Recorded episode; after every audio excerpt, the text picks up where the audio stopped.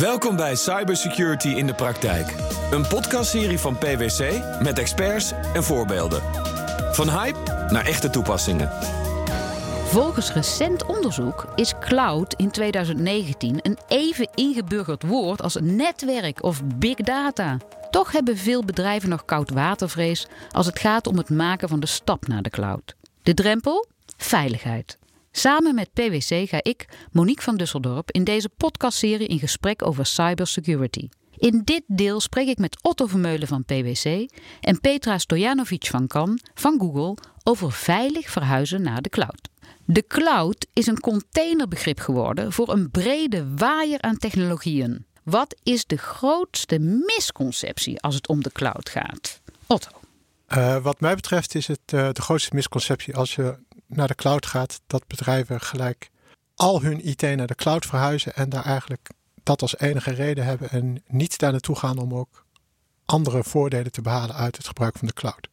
Dus eigenlijk dat het gewoon een simpele verhuizing is. Eerst was het intern en nu staat het allemaal in de cloud klaar. Precies, en dat is het zeker niet. Er zijn veel meer dingen mogelijk als je ook nieuwe dingen gaat proberen op de cloud. Sneller ontwikkelen, nieuwere applicaties, meer schaalbaarheid en meer security die voordelen. Daar gaan we straks eens even over verder praten. Petra, wat is volgens jullie bij Google nou de grootste vergissing die mensen maken over de cloud? Nou, specifiek bij Google toch dat mensen bang zijn te, de verwarring te hebben tussen is die data dan van Google ineens als ik daar naartoe ga, uh, of blijft die data van mijzelf? Dat is denk ik specifiek voor Google de grootste, uh, mis, het grootste misverstand. Um, en daarnaast denk ik um, dat klanten het idee hebben dat ze dan totaal geen controle meer hebben over nou, de zaken, de, de IT-zaken die, ze daar, die ze daar doen. Even gezien vanuit de visie van jullie bedrijven, hoe kijkt PwC naar de cloud? Uh, PwC moet net als allerlei andere bedrijven helemaal mee in de digitalisering. Uh, wij zijn ook continu aan het kijken hoe wij efficiënter kunnen werken en sneller producten naar de markt kunnen brengen. Dus wij als organisatie maken echt een transformatie naar de cloud door. Dus jullie gebruiken zelf de cloud heel intensief, maar jullie adviseren dus ook je klanten om naar de cloud te gaan.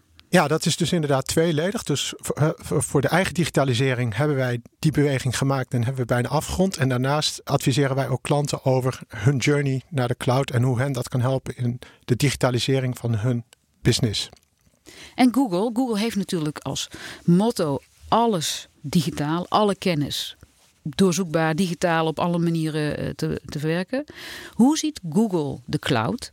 Ja, ik denk dat dat voor Google uh, een, een, beetje anders is. Want wij zijn natuurlijk eigenlijk born in the cloud, zoals je dat uh, kan zeggen. Wij uh, bestaan net 20 jaar. en alles wat wij ooit intern gebouwd hebben, dat is eigenlijk al cloud. Ja, wij zien de cloud als de manier om ook onze klanten, onze zakelijke klanten, te helpen om een hele nieuwe stap te maken in hun digitaliseringsproces. en daarmee allerlei nou ja, nieuwe start-ups, die natuurlijk daar al mee beginnen op een zolder kamertje uh, in ieder geval uh, bij te kunnen houden, zo niet weer in te kunnen halen. Ja, born in the cloud, dat is wel een hele mooie uitdrukking. Born in the cloud. Zijn die start-ups die eigenlijk vanaf het eerste moment uh, alles in de cloud doen, hebben die inderdaad zo'n grote voorsprong op de bedrijven die het nog zelf proberen te doen? Op technologiegebied wel.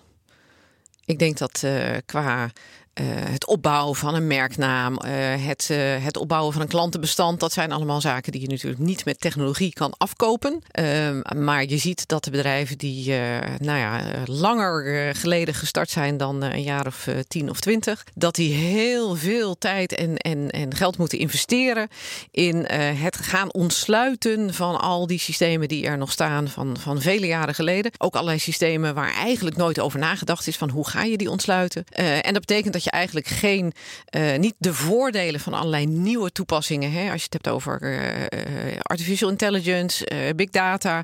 Ja, dan moet je eerst toegang hebben tot die oude, oude systemen om al die informatie daaruit te krijgen. En als je, de, als je daar dus niet de, de technologie voor hebt om dat te ontsluiten, dan is het natuurlijk heel lastig om dat aan elkaar te gaan knopen. dus je ziet inderdaad dat dat een echt, echt een nadeel is vergeleken bij bedrijfjes op de zolderkamer die, nou ja, die met die, andere filosofie zijn begonnen. Ja. Otto, jullie begeleiden natuurlijk heel veel bedrijven uh, die nu naar de cloud gaan. En die misschien wel een legacy hebben van 25 jaar. Allerlei systemen, allerlei, uh, allerlei verschillende processen georganiseerd hebben. Hoe begeleid je die dan? Uh, nou, dat varieert natuurlijk per cliënt. Maar in zijn algemeenheid is het heel belangrijk dat bedrijven die naar de cloud gaan eerst een, business case maken om te kijken wat zijn nou de redenen om naar die cloud te gaan. Het tweede aspect is dan als ze die beslissing hebben genomen van hoe ga je dat nou allemaal plannen en wat moet je regelen om daar gereed voor te zijn. En vervolgens komt het natuurlijk aan op de uitvoering van zo'n beweging naar de cloud. Wij adviseren klanten in ieder van deze fases, dus het meehelpen over de strategie en business case, maar ook over het maken van de plannen en tenslotte ook over het begeleiden van de plannen van de beweging naar de cloud. Van wie in de organisatie komt nou meestal de beslissing om de wens om over te stappen? Ik kan me zo voorstellen dat als de CEO denkt van dit moeten we gaan doen, een IT-afdeling kan tegenstribbelen. Maar ik kan me ook wel andersom voorstellen dat die IT-afdeling zegt we moeten met z'n allen naar de cloud. En dat ergens in het management er toch een stop op komt. Ja, wat je in de praktijk ziet is dat vaak mensen uit de business uh, de mogelijkheden van de cloud zien en graag snel willen. Dus die gaan zelf uh, daar experimenten mee starten en creëren op die manier eigenlijk als het ware een soort druk om naar de cloud te gaan. Maar uiteindelijk om zo'n proces helemaal uh, te realiseren, in te richten, te begeleiden, krijg je toch vaak te maken met de Chief Information Officer van de onderneming. Oh, maar het is wel interessant dat het vanuit de business juist wel snel gezien wordt dat dit een voordeel op kan leveren. Ja, ik denk zoals Petra net al zei, hele grote bedrijven met een grote legacy, die moeten dat natuurlijk in de lucht houden en aan de praat houden. Dus hè, de CIO besteedt een groot gedeelte van zijn tijd om de bestaande business te blijven runnen. Uh, andere afdelingen binnen een organisatie die willen graag changing the business, nieuwe concepten ontwikkelen en snel nieuwe producten maken. Als IT dan niet snel genoeg kan leveren, gaan ze zelf experimenten met doen in de cloud, omdat het zo laagdrempelig is. Maar als het dan echt om de IT van de onderneming zelf gaat, ja, dan kom je bij de CIO terecht die dat proces moet gaan managen. Ik kan me voorstellen dat uh, Google als een van de eerste ziet hoeveel bedrijven eigenlijk hele stukken van hun IT en samenwerking met andere bedrijven al naar de cloud verplaatsen zonder dat er een centraal plan is. Mail, documenten delen. Er gebeurt van alles rond bedrijven heen in de cloud zonder dat de CTO van het bedrijf daar misschien van op de hoogte is.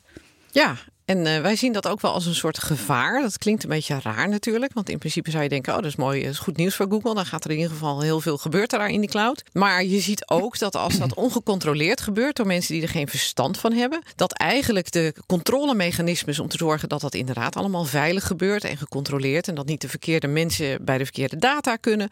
Uh, dat dan het risico is dat er ergens iemand per ongeluk, en meestal is dat een menselijke fout. Je ziet het wel eens in het nieuws dat er ergens zomaar een dataset van een organisatie in de cloud zonder beveiliging uh, is gevonden waarbij het publiek uh, bij kon. Ja, dan zie je dus dat dat soort incidenten gaan gebeuren. En dat betekent eigenlijk dat je vier stappen teruggaat in, uh, in het hele beslissingsproces. Want dan wordt ineens, denkt iedereen, oh ja, zie je nou wel, die cloud, dat is niet veilig. Um, dus eigenlijk is het een, nou, het is, het is, het is een, een goede ontwikkeling dat er veel meer zelf geëxperimenteerd wordt door mensen die ideeën hebben. Dat je die ideeën ook vrijheid geeft om daar wat mee te gaan doen.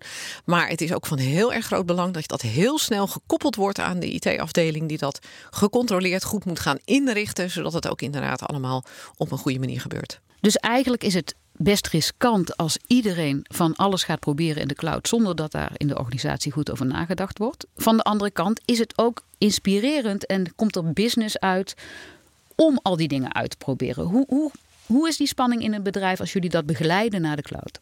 Uh, soms zie je dus dat bedrijven zeggen: wij willen graag iets experimenteels doen. Wij willen snel iets maken om een nieuw product op de markt te brengen of om snel wat grotere analyses uit te voeren. Dan kunnen wij klanten helpen om dat in een cloudomgeving te doen. Als dat veel gebeurt bij een onderneming en ze zeggen ja, het wordt echt tijd dat wij grootschalig overgaan op de cloud, dan kom je wederom terecht bij de Chief Information Officer. Deze serie gaat over cybersecurity. Wat is nu het grootste gevaar is het grootste gevaar dat er inderdaad datasets gedeeld worden, wat op dit moment aan één stuk door het geval is? Hè? Of is het grootste gevaar om die business te laten liggen? Waar, waar zitten de gevaren? Nou, ik denk dat het, uh, het grootste gevaar bij het uh, toepassen van de cloud is, is dat het uh, heel laagdrempelig is om allerlei projecten te starten. Dat betekent dat mensen die vooral business gedreven zijn, snel dingetjes gaan bouwen en die gaan gebruiken. Dat is op zich goed vanuit een, experimentele kant gezien. Maar een uh, IT-afdeling die opereert vaak wat langzamer, omdat zij juist weten wat zijn ook alle regels waar je aan moet voldoen om de IT veilig te maken.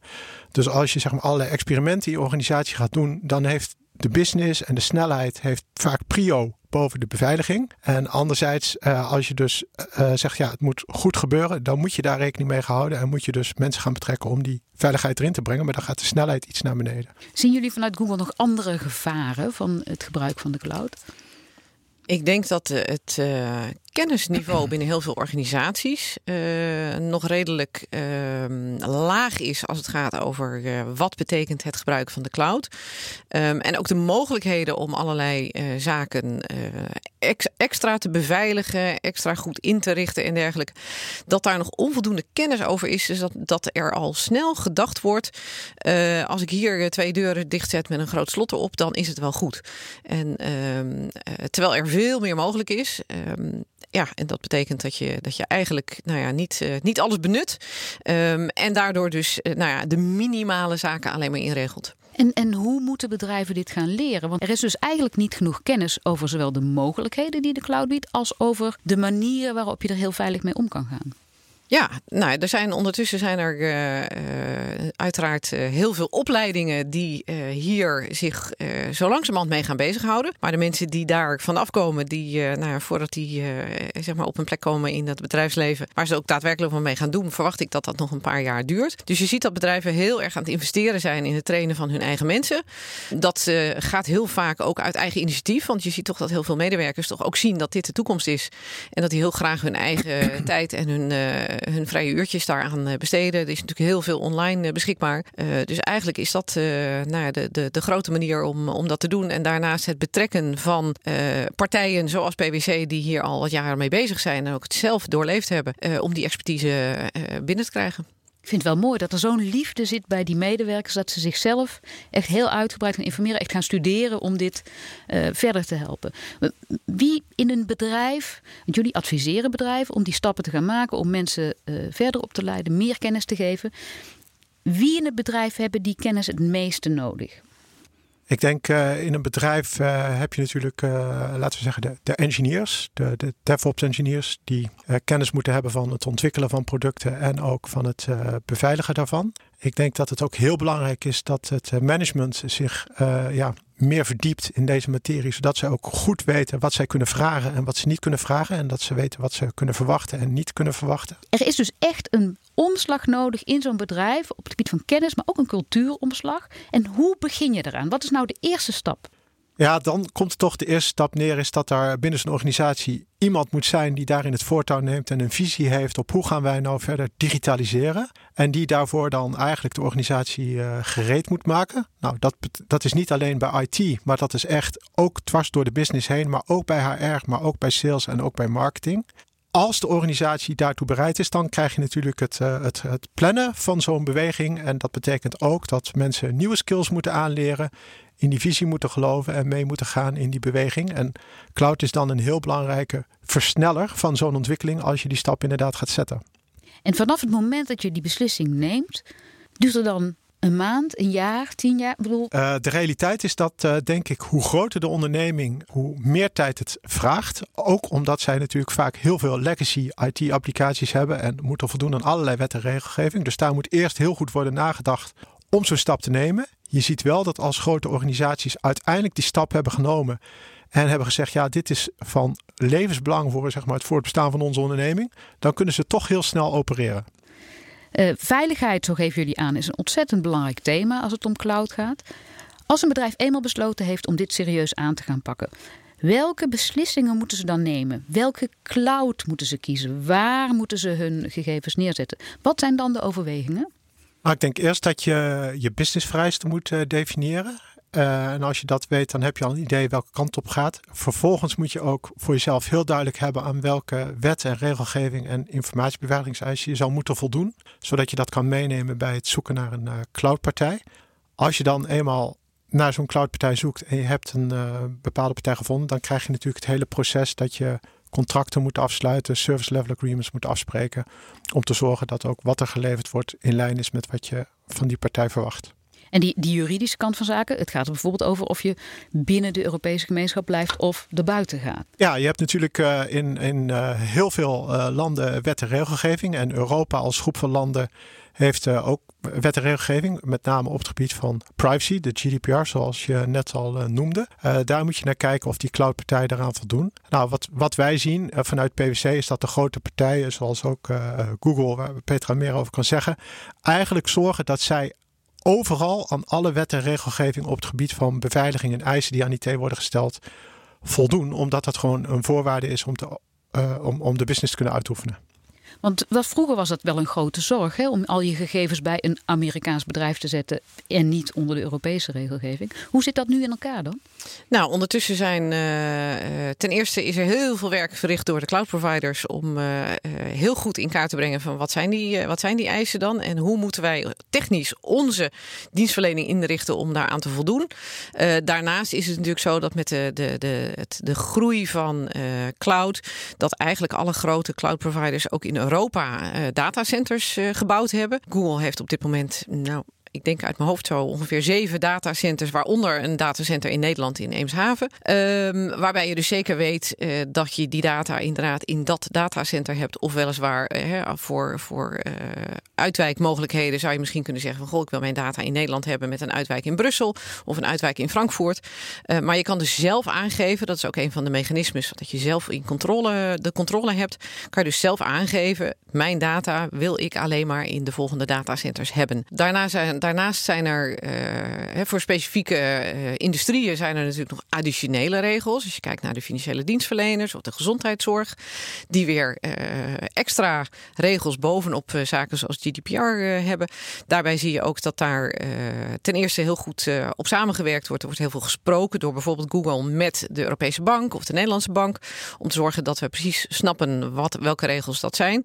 maar dan zie je ook dat er zaken zoals het leveren van je eigen encryptiesleutels dat die van belang worden. Waarbij dus mocht er ooit een rechter komen die tegen Google zegt: Ik wil toegang hebben tot die data van die klant. Dat Google dan alleen nog maar kan zeggen: van goh, die data staat wel bij mij, maar ik heb niet de sleutels tot de encryptie. Dus ik kan er niks mee. Alsjeblieft, dit is de eindklant. Ga daar je rechtelijk verzoek uh, neerleggen. En geldt dat dan alleen voor nou ja, financiële instellingen, gezondheidszorg? Of geldt dat eigenlijk voor alle grote zakelijke bedrijven ook? Dat ze die eigen sleutels willen houden? Dat, dat is een dienst die wij aanbieden. Dus elk grote organisatie kan daar gebruik van maken. Je ziet dat in de financiële dienstverlening het echt een verplichting is uh, om te voldoen aan alle regelgeving. En je ziet dat uh, bij andere grote bedrijven dat er voor bepaalde soort data dat een wens is om te gebruiken. Maar het brengt natuurlijk ook weer een stuk complexiteit eh, met zich mee om dat allemaal zelf weer te, willen, te willen regelen. dus daar, wordt, nou, daar worden verschillende keuzes in gemaakt. Oké, even als je kijkt naar sommige eisen die heel erg hoog zijn wat betreft de veiligheid, privacy. Hoe kies je vervolgens de provider? Wat, welke keuzes zijn er voor een bedrijf om te kiezen? Nou, de, eerste keuze is natuurlijk dat je hele grote public cloud providers hebt. Dat zijn er uh, wereldwijd drie. En daarnaast heb je er natuurlijk heel veel die wat uh, kleiner zijn, die al dan niet weer gebruik maken van de diensten van die grote drie. Als je naar de cloud wilt gaan, dan moet je natuurlijk weten van waarom wil ik naar de cloud. Dus wat is mijn strategie om naar de cloud te gaan? En als je dat besloten hebt, dan komt het erop aan van welk cloud provider past het beste bij mij. En dat zul je moeten bepalen op grond van business eisen, maar ook eisen op grond van wet en regelgeving waar je aan moet voldoen. Wat is het echte onderscheid tussen een private en een public cloud provider? En uh, ja, dan krijg je eigenlijk dat cloud op zich ook een technologie is. Dus als een organisatie zegt: Ik ga heel veel hardware kopen, ik ga een aantal kabels in de grond leggen en ik ga een datacentrum bouwen en dat aan elkaar verbinden, dan kan je met cloud technologie zeg maar een eigen cloud gaan bouwen. Als je dat nog heel groot doet, wereldwijd en op meerdere continenten zit en ook echt zeg maar je eigen onderzeese kabels hebt. En je verhuurt dan als het ware wat je hebt gemaakt met die hardware, die kabels en die software die erop staat om clouddiensten te leveren, dan ben je een publieke cloud provider. Er zijn maar heel weinig bedrijven die zo'n stap kunnen maken. En het merendeel van de bedrijven zal gebruik maken van de bestaande clouddiensten die er zijn. Ja, ik denk dat uh, wat je ziet is dat er dus uh, inderdaad maar een zeer beperkt aantal uh, hyperscale cloud providers zijn. En die partijen hebben het echt onder de knie om dat ook heel goed uh, te runnen en in de lucht te houden. Met andere woorden, het hele beheren van al die rekencentra, het zorgen dat het altijd in de lucht blijft, dat er niks fout gaat, dat de beveiliging geregeld is. Dat is uiteindelijk toch best wel moeilijk als je een hele kleine organisatie bent en je hebt maar weinig mensen en je hebt maar weinig geld om te investeren. Dus inderdaad, eh, er zijn maar een paar partijen die dit wereldwijd op, op grote schaal kunnen aanbieden. Wat moet er eigenlijk extern gebeuren om dit een succes te maken?